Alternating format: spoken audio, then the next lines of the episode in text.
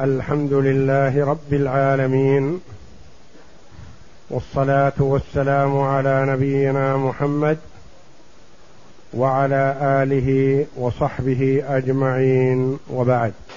بسم الله. بسم الله الرحمن الرحيم. قال المؤلف رحمه الله تعالى فصل ويجوز الاستجمار بكل جامد طاهر منقا غير مطعوم. لا حرمة له ولا متصل بحيوان فيدخل فيه الحجر. وما قام مقامه من الخشب والخرق والتراب ويخرج منه المائع. لأنه يتنجس بإصابة النجاسة فيزيد المحل تنجسا ويخرج تنجيسا.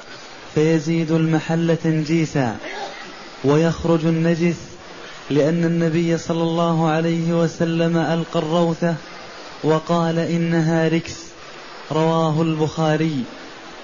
ولأنه يكسب المحل نجاسة فإن استجمر به والمحل رطب لم يجزئه الاستجمار بعده لأن المحل صار نجسا بنجاسة.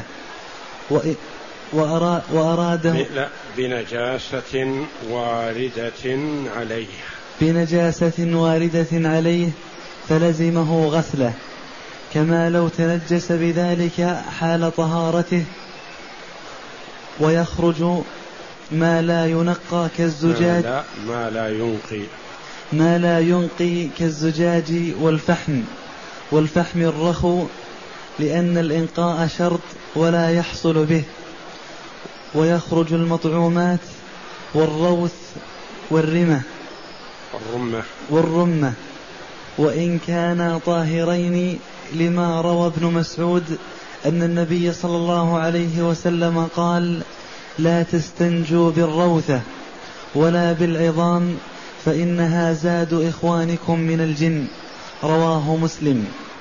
علل النهي بكونه زاد للجن فزادنا أو فزادنا فزادنا من باب أولى. فزادنا من باب أولى. ويخرج ما له حرمة كالورق المكتوب لأن له حرمة. أشبه المطعوم ويخرج منه ما يتصل بحيوان كيده وذنب بهيمة وصوفها المتصل بها لأنه ذو حرمة. فأشبه سائر أعضائها. وإن استجمر بما نهي عنه لم يصح لأن الاستجمار رخصة فلا تستباح بالمحرم كسائر الرخص. يقول المؤلف رحمه الله تعالى ويجوز الاستجمار بكل جامد طاهر منقن.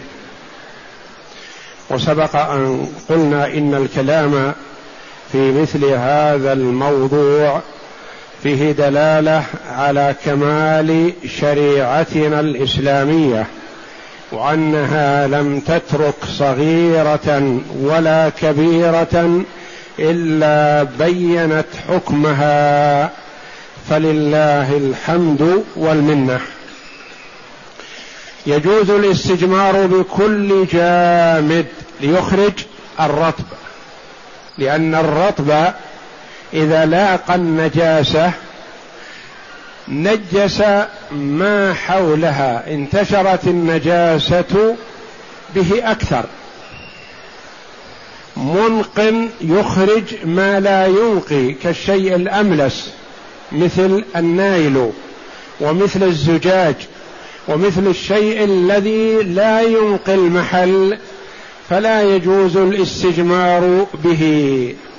غير مطعوم. لا يجوز الاستنجاء الاستجمار بحب مأكول مثلا ولا بتمر تنزيها له وتكريما ولا بشيء مما يؤكل ولا شيء ولا حرمة له.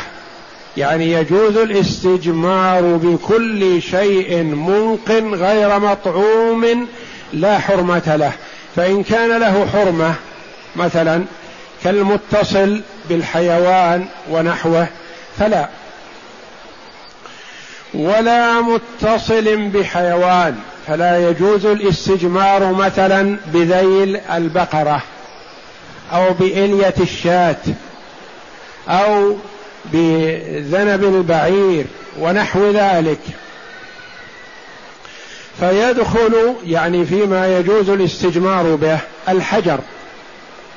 وما قام مقامه من الخشب والخرق والتراب والمنديل ونحو ذلك من الأشياء التي لا حرمة لها. ويخرج منه المائع. فلا يجوز الاستجمار بشيء مائع غير الماء. فالاستنجاء بالشيء المائع ينشر النجاسة لأنه يتنجس بإصابة النجاسة فيزيد المحل تنجيسا ويخرج النجس كروث الحمار ونحوه. فلا يجوز الاستجمار به لأنه نجس ورجس. والنبي صلى الله عليه وسلم آه، قذف الروثة لما أتي له بها ليستجمر بها وقال إنها ركس رواه البخاري. والاستجمار بالشيء النجس من خرق وغيرها يزيد المحل تنجيسا فلا ينقيه. فإذا استجمر بشيء نجس ونشف المحل مثلا فهل يكفيه ذلك؟ لا. حتى لو استجمر بحجارة بعد ذلك لا بد أن يغسله بالماء. ولما؟ قال لأنه مثل ما لو قعد على نجاسة. لو قعد على نجاسة وأصابت المخرج مثلا فهل يجزئ الاستجمار بإزالة هذه النجاسة؟ لا لأن الاستجمار مخصوص فيما يخرج من السبيلين. وأما إذا تنجس المخرج بنجاسة خارجية فلا بد من غسله كما لو تنجس أي عضو من أعضائه. فمثلا لو تنجس ساقه بنجاسة والمخرج تنجس بنجاسة خارجة منه. قلنا له أزل النجاسة التي على المخرج بالحجارة. أو بمنديل أو بتراب ويكفيك ذلك يقول والنجاسة التي على ساقي يصح أن أمسحها بالتراب أو أمسحها بمنديل وأكتفي بذلك؟ نقول لا لأن هذه نجاسة خارجية. فالله جل وعلا رخص لنا على لسان رسوله صلى الله عليه وسلم فيما يكثر. فيسر لنا أن نمسح ذلك بالحجارة ونحوها. وأما النجاسة الخارجية التي تعلق على المحل سواء كان القبل أو الدبر أو الساق أو الفخذ أو اليد لا بد من غسلها. كذلك لا يصح الاستنجاء بالزجاج. ونحو الزجاج كالنايلون كيس النايلون ونحوه. لأن هذا لا ينظف. ومثل ذلك الفحم الفحم اللين الذي يتفتت. لا يجوز أن يستجمر به لأنه يلوث المحل ولا ينقي. وكذلك المطعوم. مثلا سواء كان مطعوم لنا أو مطعوم لدوابنا فلا يجوز الاستنجاء مثلا بالبرسيم. ولا بالعلف الماكول ولو كان ناشفا ولا يجوز الاستجمار بالروث ولا بالعظم لأن النبي صلى الله عليه وسلم نهانا عن أن نستجمر بالروث والرمة الرمة العظم العظم البالي مثلا. ما يجوز أن نستجمر به لأن العظم البالي طعام إخواننا من الجن. والروث طعام دوابهم. فمن الآداب الإسلامية أن نحترم ما نستفيد منه نحن أو يستفيد منه الجن. وقد نهانا النبي صلى الله عليه وسلم قال لا تستنجوا بالروث ولا بالعظام فإنها زاد إخوانكم من الجن. العظام زادهم هم يجدونه أوفر ما يكون لحما والروث زادوا دوابهم. يقول فعلل النهي بكونه زاد الجن فإذا لزم أن نحترم زاد الجن وجب أن نحترم زادنا من باب أولى. وكذلك ما له حرمة كالورق المكتوب فيه. ورق ليس فيه كتابة ولا شيء من هذا ولا يمكن أن يستجمر به كالمنديل المعد لذلك لكن في أوراق مثلا مكتوب فيها كتابة. لا احتراما للكتابة العربية لا نستجمر بها. وكذلك ما يتصل بالحيوان لا يجوز أن نستجمر به احتراما له. كذلك لا يجوز أن نستجمر باليد. لا يجوز للإنسان أن يستجمر بيده. ولو استجمر مثلا بيده وظن أنه يكفيه تنشيف المحل بيده اليسرى مثلا ما صح. يجب أن يغسله لأنه مرخص له بأن يستجمر بما ليس له حرمة. وأما يده ونحوها فلها حرمة فلا يستجمر بها. ولذا قال وإن استجمر بما نهي عنه استجمر بعظم أو استجمر ببعر بعير أو غنم أو بقر مثلا ونشف المحل فلا يكتفي بذلك ولا يكفي الاستجمار بحجر لأن المحل نشف بل يجب عليه أن يغسله أن يستنجي بالماء لأنه فعل شيئا منهيا عنه. والاستجمار رخصة ترخيص من الله جل وعلا على لسان رسوله صلى الله عليه وسلم والرخص لا تستباح بالمعصية كما قال العلماء رحمهم الله من سافر سفر معصية سافر ليزني سافر ليشرب الخمر سافر ليعصي الله في البلاد البعيدة مثلا فلا يجوز له أن يترخص. لا يترخص بالرخص فلا يجمع الصلوات ولا يقصر ولا يمسح على الخفين ونحو ذلك. نعم. ولا يستجمر بيمينه ولا يستعين بها فيه لحديث سلمان وروى أبو قتادة أن النبي صلى الله عليه وسلم قال لا يمسكن أحدكم ذكره بيمينه ولا يتمسح من الخلاء بيمينه. متفق عليه. ولا يستجمر بيمينه. يعني لا يمسح بها هي ولا يمسك بها الحجر فيمسح بيمينه. حتى وإن كان المسح بحجر أو منديل لا يفعل ذلك بيمينه. ولذا قال ولا يستعين بها فيه. إلا من ضرورة كأن تكون يده اليسرى مثلا مقطوعة أو مكسورة ومجبرة أو مريضة أو نحو ذلك فله رخصة في الاستجمار باليمين بالاستعانة بها. لما روى أبو قتادة أن النبي صلى الله عليه وسلم قال لا يمسكن أحدكم ذكره بيمينه تنزيها لليمين وتكريما لها. ولا يتمسح من الخلاء بيمينه متفق عليه. لا يتمسح من الخلاء بيمينه. نعم. فيأخذ ذكره بيساره ويمسح به الحجر أو الأرض. فإن كان الحجر صغيرا أمسكه بعقبه أو بإبهامي قدميه فمسه عليه. فإن لم يمكنه أخذ الحجر بيمينه والذكر بيساره فمسحه على الحجر.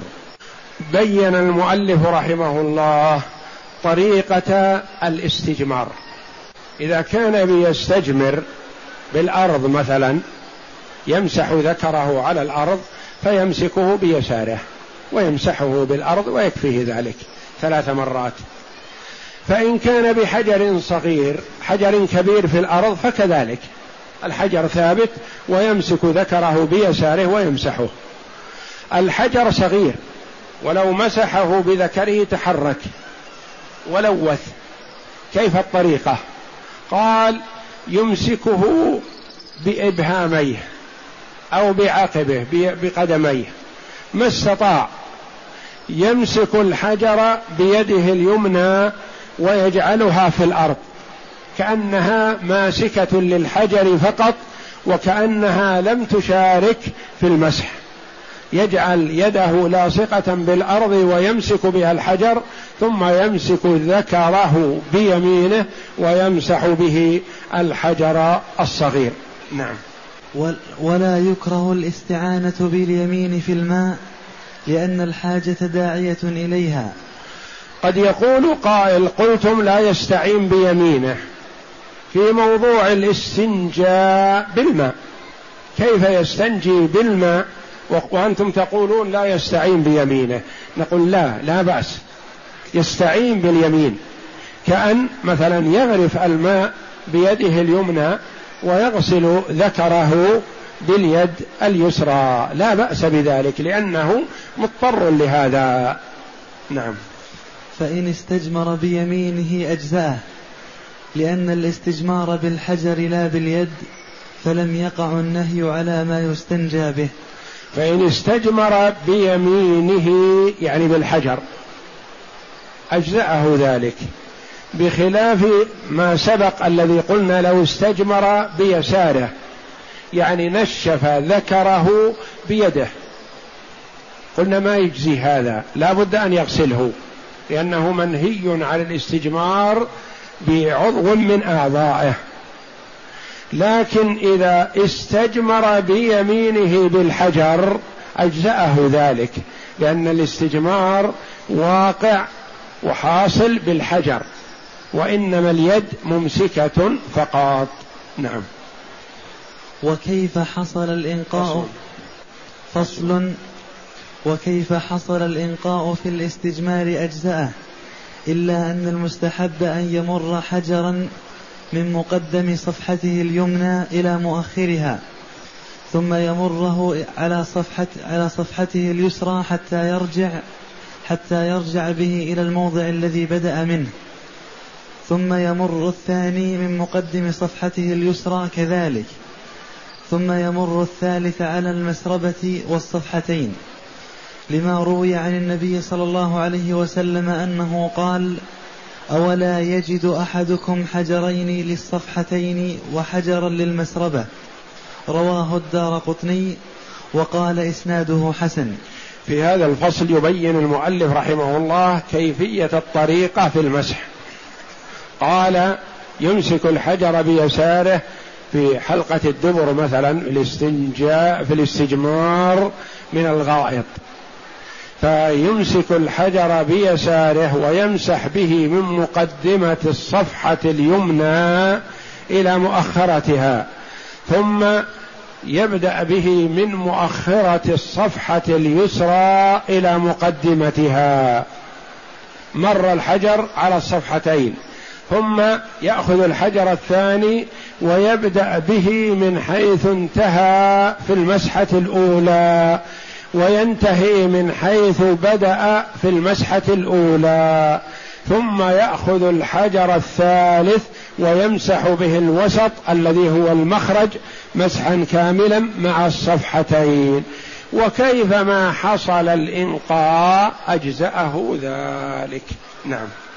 ويبدأ بالقبل لينظفه لئلا تتنجس يده عند الاستجمار في الدبر. والمرأة مخيرة في البداءة بأيهما شاءت لعدم ذلك فيها. والمستحب للرجل في الاستجمار أن يبدأ بالقبل الذي هو الذكر حتى يزيل ما عليه ثم يبدأ بالدبر. لأنه إذا بدأ بالدبر أولا والذكر عليه شيء من البول لوث يده فينشف الأول ثم يبدأ في بالدبر. قالوا المرأة مخيرة لأنه مأمون.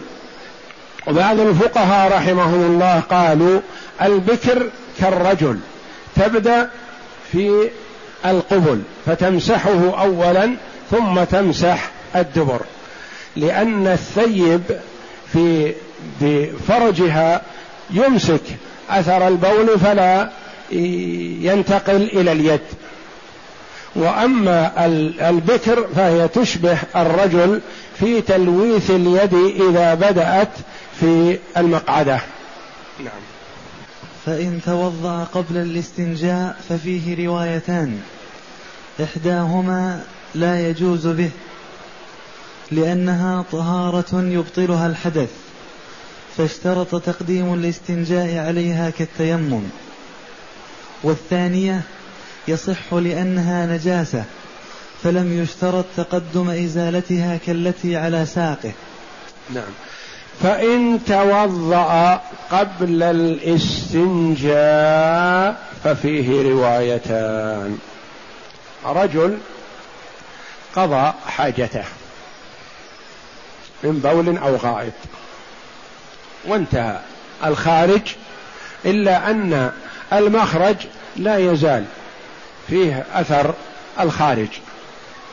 فتوضأ قبل أن يستجمر. ثم بعدما انتهى من وضوءه استجمر. هل يصح ذلك؟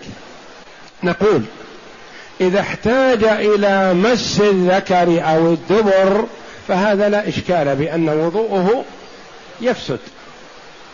إذا مس ذكره أو دبره بعد ما توضأ يفسد وضوءه.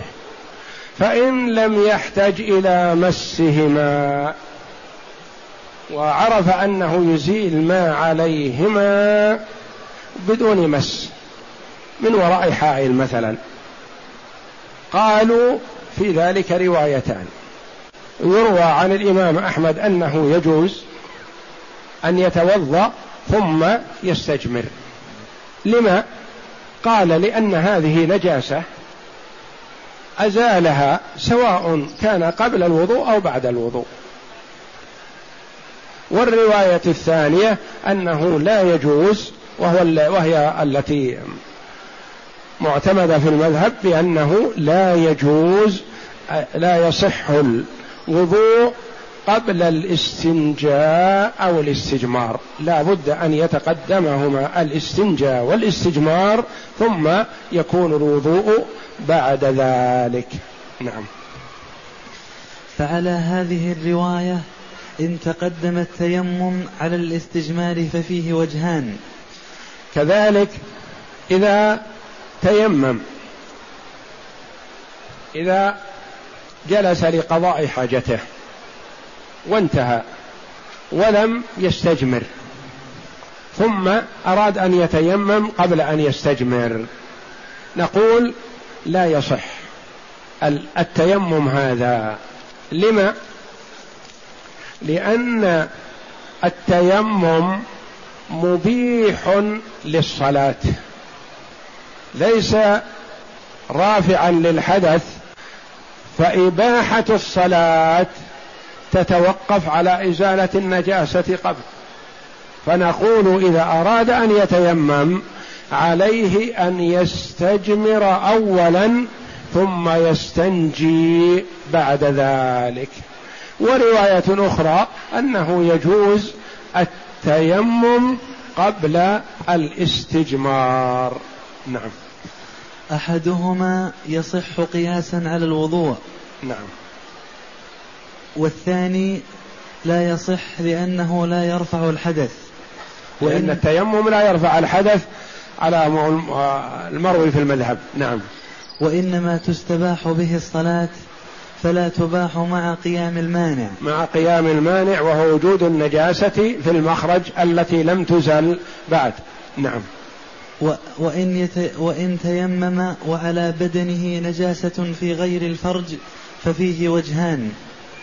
أحدهما لا يصح قياسا على نجاسة الفرج والثاني يصح لأنها نجاسة لم توجب التيمم فلم تمنع صحته كالتي على ثوبه.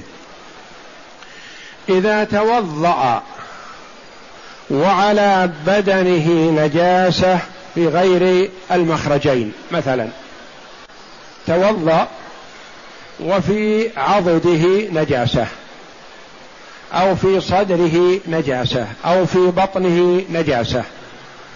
ثم توضأ ثم بعد ذلك التفت للنجاسة وغسلها فلا بأس. هذا صحيح. لكن إذا تيمم وعلى بدنه نجاسة تحتاج إلى إزالة. قالوا لا يصح التيمم وعلى البدن نجاسة بل لا بد أن يزيل النجاسة التي تمنع من الصلاة ثم يتيمم.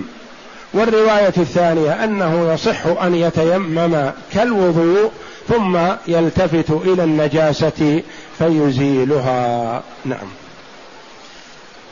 باب ما يوجب الغسل. والموجب له في حق الرجل ثلاثة أشياء.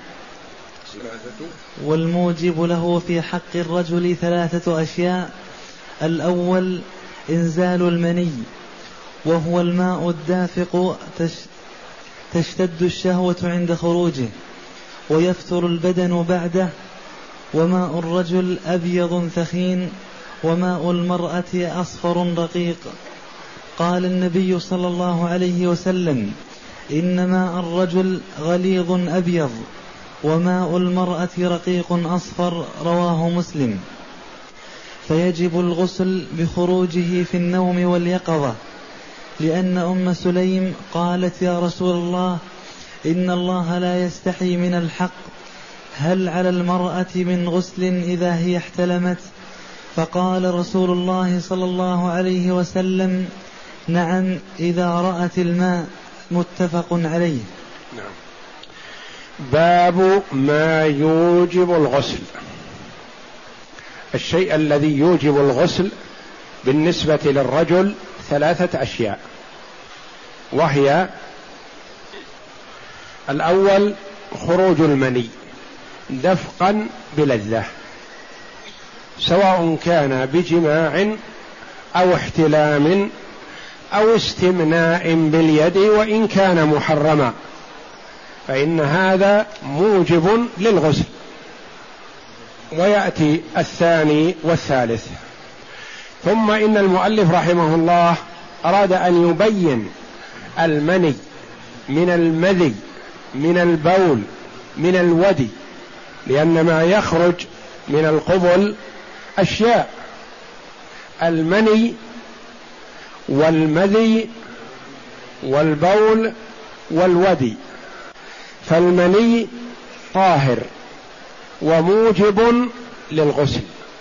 والمذي نجس وناقض للوضوء وغير موجب للغسل.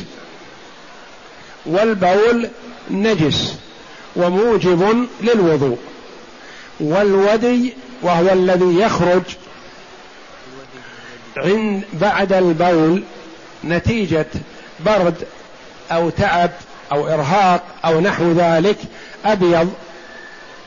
هذا يشبه المني إلا أنه ليس بمني وليس بلزج ثخين كالمني وإنما هو أبيض يختلف عن البول وهذا لا يوجب الغسل. يقول المني هو الدافق الذي تشتد الشهوة عند خروجه ويفتر البدن بعده. يعني بعد الإنزال يكون البدن فيه فتور. وثم بين ماء الرجل وماء المرأة فقال ماء الرجل أبيض ثخين وماء المرأة يعني منيها أصفر رقيق. قوله صلى الله عليه وسلم في الحديث الذي رواه مسلم إن ماء الرجل غليظ أبيض وماء المرأة رقيق أصفر فيجب الغسل بخروجه في النوم أو اليقظة. في النوم احتلام مثلا. يحتلم يتراءى له كأنه يجامع فينزل. فيجب الاغتسال لهذا المني. أو استمنى بشيء ما فأنزل المني وجب عليه الغسل والاستمناء باليد ونحوها محرم ومنصوص على تحريمه في كتاب الله جل وعلا حيث يقول والذين هم لفروجهم حافظون إلا على أزواجهم. وراء ذلك أي استمنى بيده ونحوها فأولئك هم العادون. أو طلب الزنا أو الأشياء المحرمة فأولئك هم العادون. كذلك مما يدل على وجوب الاغتسال بالاحتلام عند خروج المني حديث أم سليم. حديث أم سليم رضي الله عنها التي هي أم أنس بن مالك رضي الله عنه. قالت يا رسول الله إن الله لا يستحي من الحق. هذه مقدمة أتت بها لأنها أرادت أن تسأل عن شيء يستحيا منه. فأرادت أن تبرر سؤالها. إن الله لا يستحيي من الحق. هل على المرأة من غسل إذا هي احتلمت؟ فعندها بعض أمهات المؤمنين منهن من غطت وجهها حياء ومنها من قالت فضحت النساء ومنها من تبسمت آه، ما كنا يوددن أن تسأل أم سليم هذا السؤال رضي الله عنها. لكنها ألهمها الله جل وعلا هذا السؤال لتبين للنساء الحكم الشرعي.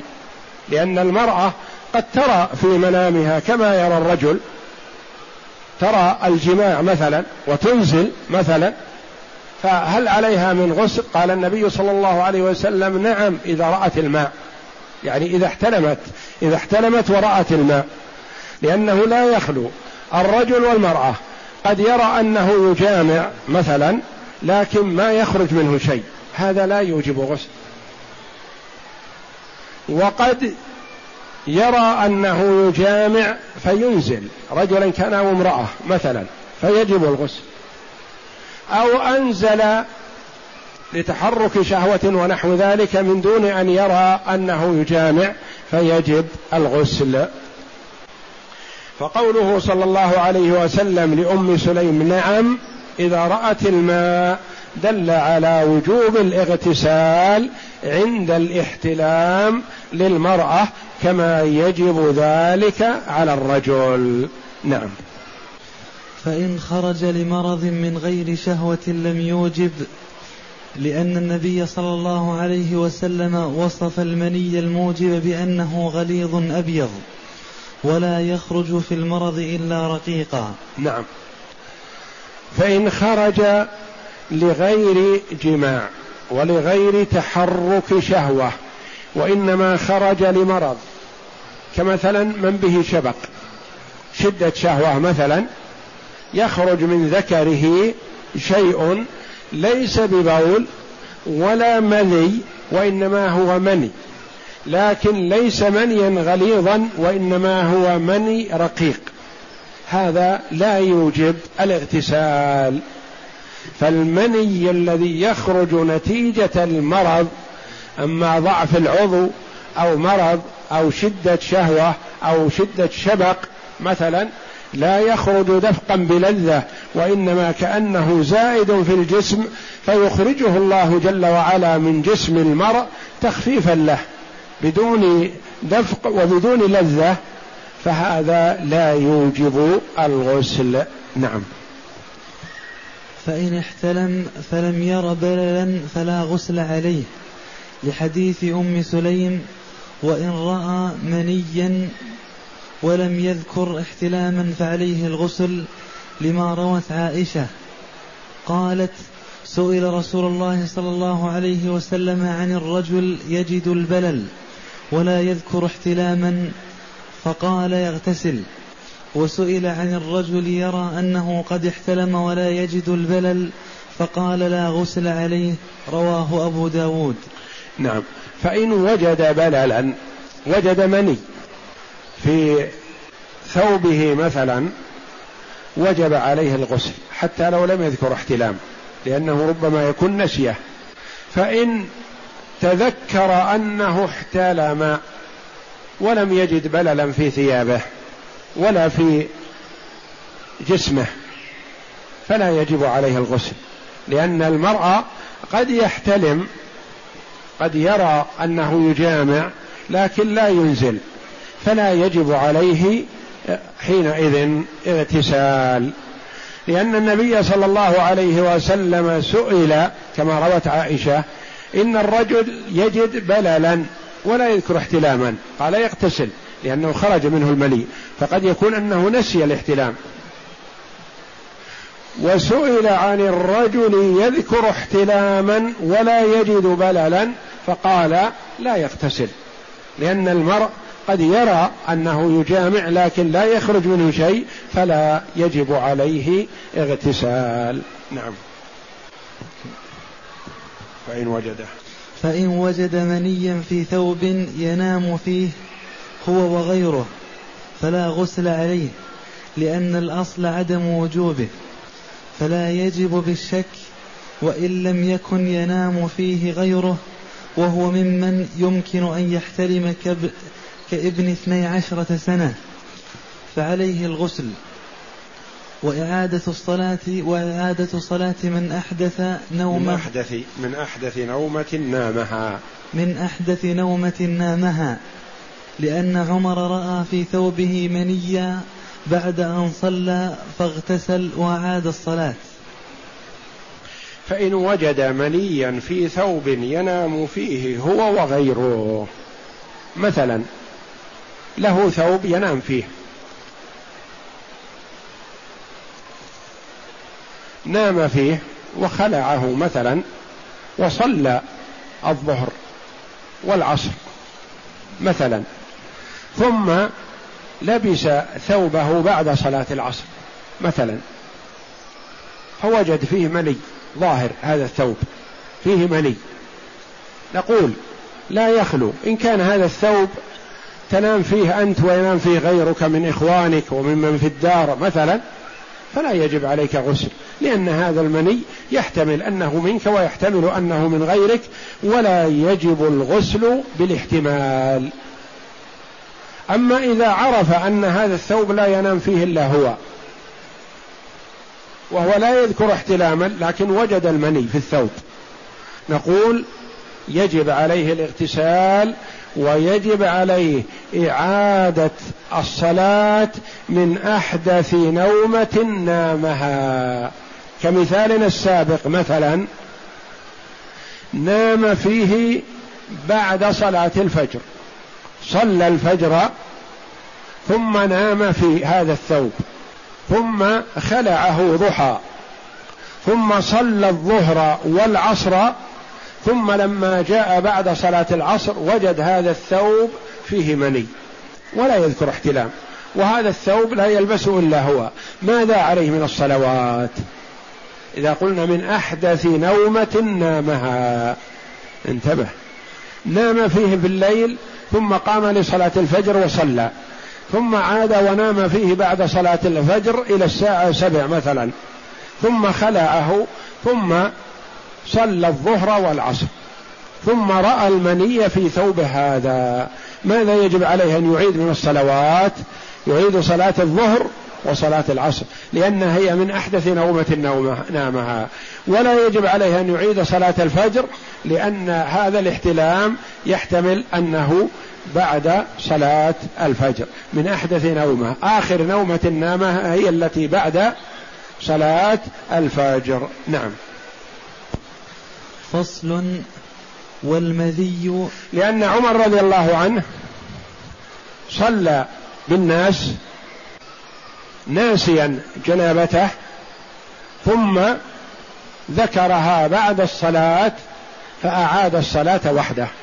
يعني حتى لو كان إمام مثلا وصلى بالجماعة ناسيا احتلامه أو ناسيا جماعة مثلا ولم يغتسل ثم ذكر بعد الصلاة فعليه أن يغتسل ويعيد الصلاة بنفسه ولا يلزم من صلى خلفه أن يعيد.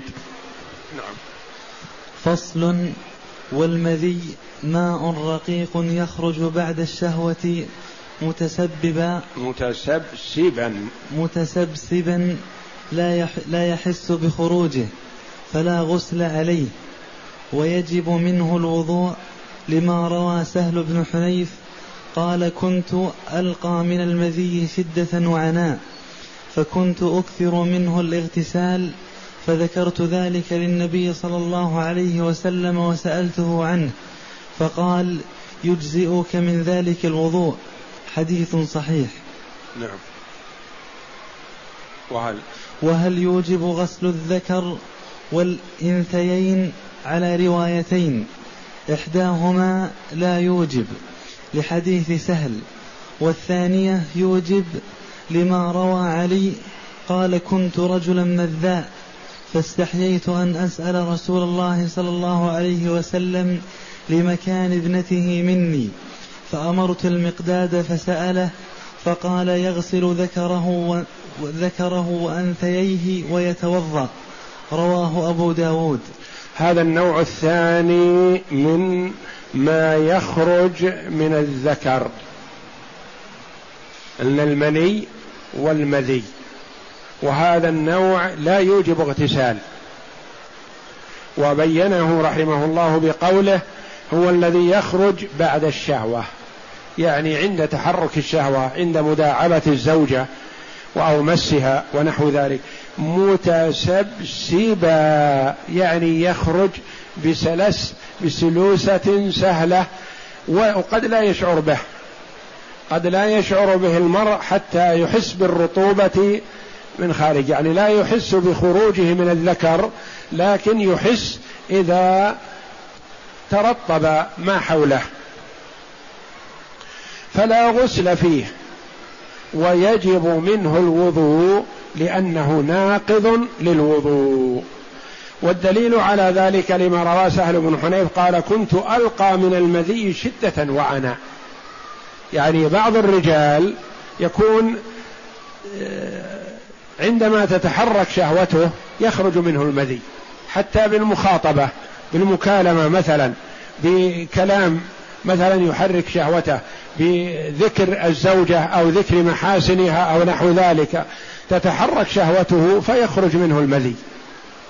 فهذا سهل رضي الله عنه. مثل علي ابن أبي طالب رضي الله عنه كان كثير المذي.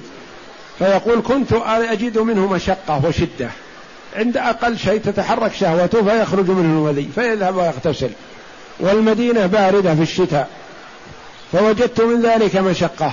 فسألت النبي صلى الله عليه وسلم فقال يجزئك الوضوء.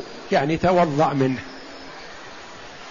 وعلي رضي الله عنه يقول كنت رجلا مذاء يعني كثير المذي فاستحييت أن أسأل رسول الله صلى الله عليه وسلم لمكان ابنته مني لأن فاطمة بنت النبي صلى الله عليه وسلم ورضي عنها هي زوج علي. فيقول استحييت أن أسأل النبي فيما يتعلق بالشهوة لأن ابنته زوجتي. فاستحييت من ذلك فأمرت المقداد أن يسأل النبي صلى الله عليه وسلم وأن أسمع. فقال يغسل ذكره وانثيه ويتوضأ. ولذا رواية في المذهب أنه لا يجب في ذلك إلا الوضوء لما ذكر في سهل حديث سهل بن حنيف. والرواية الثانية أنه يجب غسل الذكر والأنثيين مع الوضوء. والحكمة والله أعلم في غسل الذكر والأنثيين من أجل تبريد المحل فيتقلص بإذن الله ويمتنع الخارج. يمتنع الخارج الذي هو المذي بعد الغسل وذلك دلالة على نجاسة المذي لأنه قال يغسل ذكره وأنثييه. يغسل أثر الخارج هذا والأنثيين الخصيتين من أجل أن يتقلص آه، تتقلص البشرة فيتوقف خروج المذي. نعم. فصل والودي ماء أبيض يخرج, يخرج عقب البول فليس فيه إلا الوضوء لأن الشرع لم يرد فيه بزيادة بزيادة عليه. نعم. والودي النوع الثالث مما يخرج من الذكر أو القبل قبل المرأة الودي وهو ماء أبيض يخرج عقيب البول. إما نتيجة برد أو نتيجة إرهاق ونحو ذلك. وهو ماء أبيض يشبه الملوث بالجص مثلا وليس مشبها للمني وليس مشبها للمذي وليس من نوع البول. هذا حكمه حكم البول في أنه نجس ويوجب الوضوء فقط. نعم. فإن خرج منه شيء ولم يدري أمني هو أو غيره في يقظة فلا غسل فيه لأن الموجب للغسل يخرج دافقا بشهوة فلا يشتبه فلا يشتبه بغيره. نعم. فإن خرج منه شيء بعض الشباب مثلا الذي ما ميز كثيرا يظن أن كل ما اختلف عن البول أنه مني فيوجب الغسل. نقول لا. إذا خرج منه شيء لا يدري ما هو فالأصل أنه لا يجب عليه إلا الوضوء فقط وغسل أثر هذا الخارج.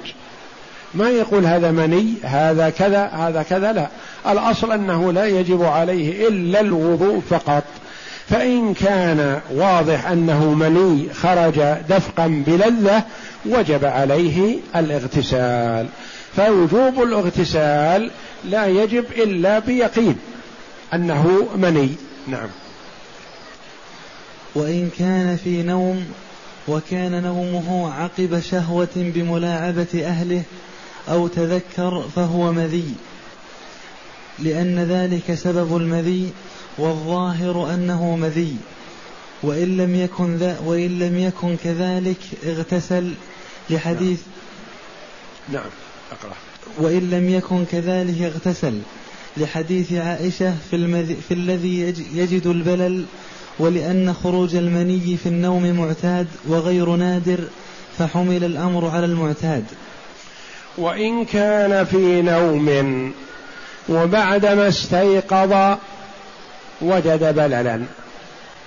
ولا يدري أهو مني أم مذي. نقول ينظر.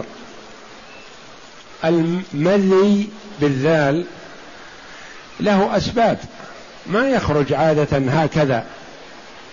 بخلاف المني فالمني يخرج يخرج عند الاحتلام. فنقول إن كان قبل نومه حصل منه مداعبه لزوجته ثم استيقظ ووجد بللا فذلك مذي. لأن المداعبه موجبة ومسببة للمذي. فإن كان لم يحصل منه شيء من ذلك ووجد بللا فنقول عليه الاغتسال لأن الخروج المني مع النوم شيء معتاد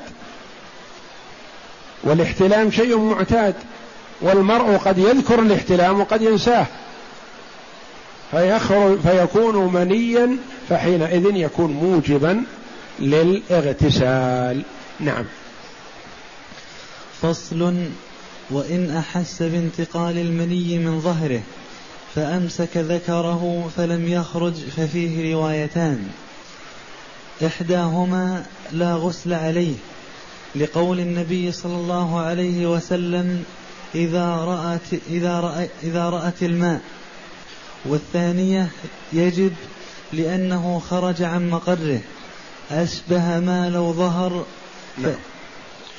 فإن أحس بانتقال المني من ظهره فأمسك. قد يداعب زوجته فتتحرك شهوته وتشتد. ثم يكاد ينزل. يحس بانتقال المني في جسمه مثلا. ثم يكف. فيتوقف عن الإنزال. في هذه الحال هل يجب عليه غسل؟ روايتان الرواية الأولى قال يجب عليه الغسل لأن المني انتقل. المني في الظهر الأصل. كما في قوله جل وعلا يخرج من بين الصلب والترائب. فمني الرجل يخرج من ظهره. ومني المرأة يخرج من صدرها من عظام الصدر. ومني الرجل من عظام الظهر من الصلب. فإذا أحس بانتقال المني ثم كف. توقف. ثم ما خرج. هل يجب عليه غسل أو لا؟ الرواية الأولى في المذهب أنه يجب عليه الغسل لأنه أحس بانتقاله. الثانية الرواية الثانية قالوا لا يجب عليه الغسل لأن النبي صلى الله عليه وسلم قال إذا رأت الماء علق الغسل بخروج الماء الذي هو المني ورؤيته وهذا لم يرى شيئا وإنما تحركت شهوته فقط وانتقل داخل جسمه. روايتان. والذي مشى عليه أكثر الفقهاء فقهاء المذهب قالوا يجب الغسل ما دام أنه حس بانتقال المني وإن لم يخرج فيجب عليه الاغتسال. نعم. فإن اغتسل فخرج بعد ذلك وجب الغسل على الرواية الأولى لأن, ألو... لأن الوجوب متعلق بخروجه ولم يجب على الثانية لأنه تعلق بانتقاله وقد, وقد اغتسل له وعنه. إن خرج قبل البول وجب الغسل لأننا نعلم أنه المني المنتقل. فإن خرج بعده لم يجب لأنه يحتمل أن أنه غيره. وهو خارج لغير شهوة وفي فضله وفي فضلة المني الخارج بعد بعد الغسل. الروايات الثلاث. فإن اغتسل لتحرك المني وانتقاله مثلا ثم بعد اغتساله خرج المني. قالوا فيه روايتان يغتسل له أو لا يغتسل له. قالوا يغتسل له لأنه خرج مني. قالوا لا يغتسل له لأنه اغتسل عن موجب انتقال المني فلا يعيد الاغتسال مرة ثانية. نعم. والثاني التقاء الختانين وهو تغيب الحشفة في الفرج يوجب الغسل. وإن عري عن الإنزال لقول النبي صلى الله عليه وسلم إذا جلس بين شعبها الأربع ومس الختان الختان وجب الغسل رواه مسلم. نعم. وختان الرجل الجلدة التي تبقى بعد الختان وختان المرأة جلدة كعرف الديك في أعلى الفرج يقطع منها في الختان. فإذا غابت الحشبة, الحشفة في الفرج تحاذى ختان ختاناهما فيقال التقيا وإن لم يتماسا. الثاني مما يوجب الغسل على الرجل والمرأة. التقاء الختانين التقاء الختانين كناية عن إيلاج الذكر في الفرج. وهو تغييب الحشفة. والحشفة هي التي أزيلت الجلدة من عليها للختان. يوجب الغسل. وإن عرى عن الإنزال. قد يولج الرجل ولا ينزل. فيجب عليه الاغتسال. وقد ينزل بدون علاج فيجب عليه الاغتسال. إذا الاغتسال يوجبه الإنزال ويوجبه الايلاج سواء كان بإنزال أو بدون إنزال. لقوله صلى الله عليه وسلم إذا جلس بين شعبها الأربع ثم جهدها فقد وجب الغسل. وفي رواية ومس الختان الختان فقد وجب الغسل رواه مسلم. كيف يمس الختان الختان؟ يبين المؤلف رحمه الله ذلك. يقول ختان الرجل هو طرف الجلدة التي قطعت للختان. وختان المرأة جلدة تشبه عرف الديك فوق الفرج فوق مدخل الذكر. يؤخذ منها شيء يسير عند ختان المرأة. فإذا أولج الرجل وكان النبي صلى الله عليه وسلم حيي كريم فيقول إذا أولج مس الختان الختان. يعني تلاقى الاثنان كناية عن الإيلاج. يعني غالبا لا يمس إلا مع الإيلاج وذلك كناية عن الإيلاج. فإذا حصل الإيلاج وجب الغسل وإن لم ينزل. ويجب الغسل بالإيلاج في كل فرج قبل أو دبر من آدمي أو بهيمة حتى أو ميت حي, حي, حي أو ميت. لأنه فرج أشبه قبل المرأة فإن ولج في قبل الخنثى المشكل.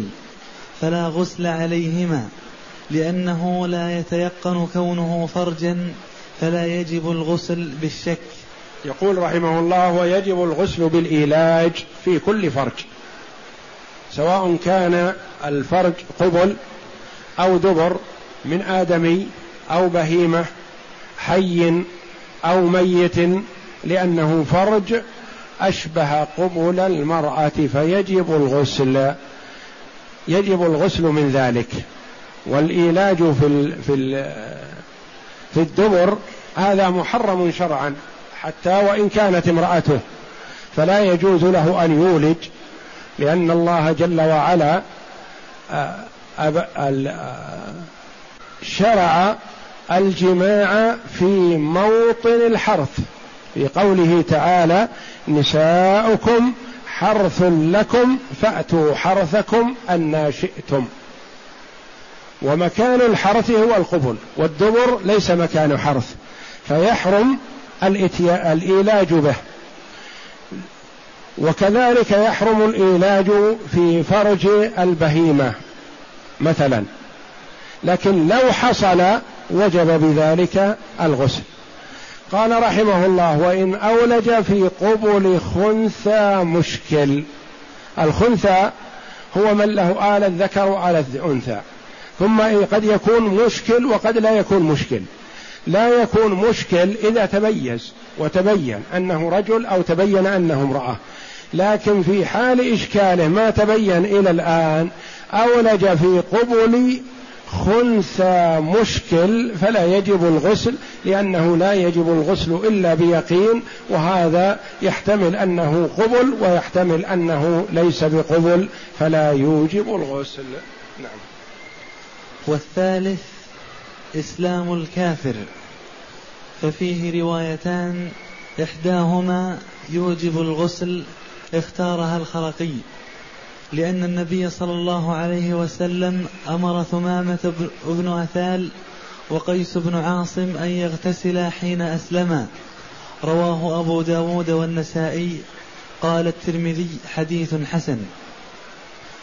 ولأن الكافر لا يسلم من حدث لا يرتفع حكمه باغتساله فقامت مظنة ذلك مقامه ولا يلزمه أن يغتسل للجنابة لأن الحكم تعلق بالظنة فسقط حكم المظنة كالمشقة في السفر. والثانية لا غسل عليه اختارها أبو بكر لأن النبي صلى الله عليه وسلم قال لمعاذ إنك تأتي قوما أهل كتاب فادعهم إلى شهادة أن لا إله إلا الله. نعم. الثالث مما يوجب الغسل على الرجل والمرأة إسلام الكافر. إسلام الكافر. إذا أسلم وجب عليه أن يغتسل. لأن النبي صلى الله عليه وسلم أمر ثمامة ابن أثال رضي الله عنه الذي ربط في مسجد النبي صلى الله عليه وسلم وأبى أن يسلم وهو مربوط ثم لما أطلقه النبي صلى الله عليه وسلم واعتقه ذهب واغتسل وجاء مسلما رضي الله عنه. أمره النبي صلى الله عليه وسلم أن يغتسل لإسلامه كما أمر كذلك قيس بن عاصم لما أسلم رضي الله عنه أن يغتسل.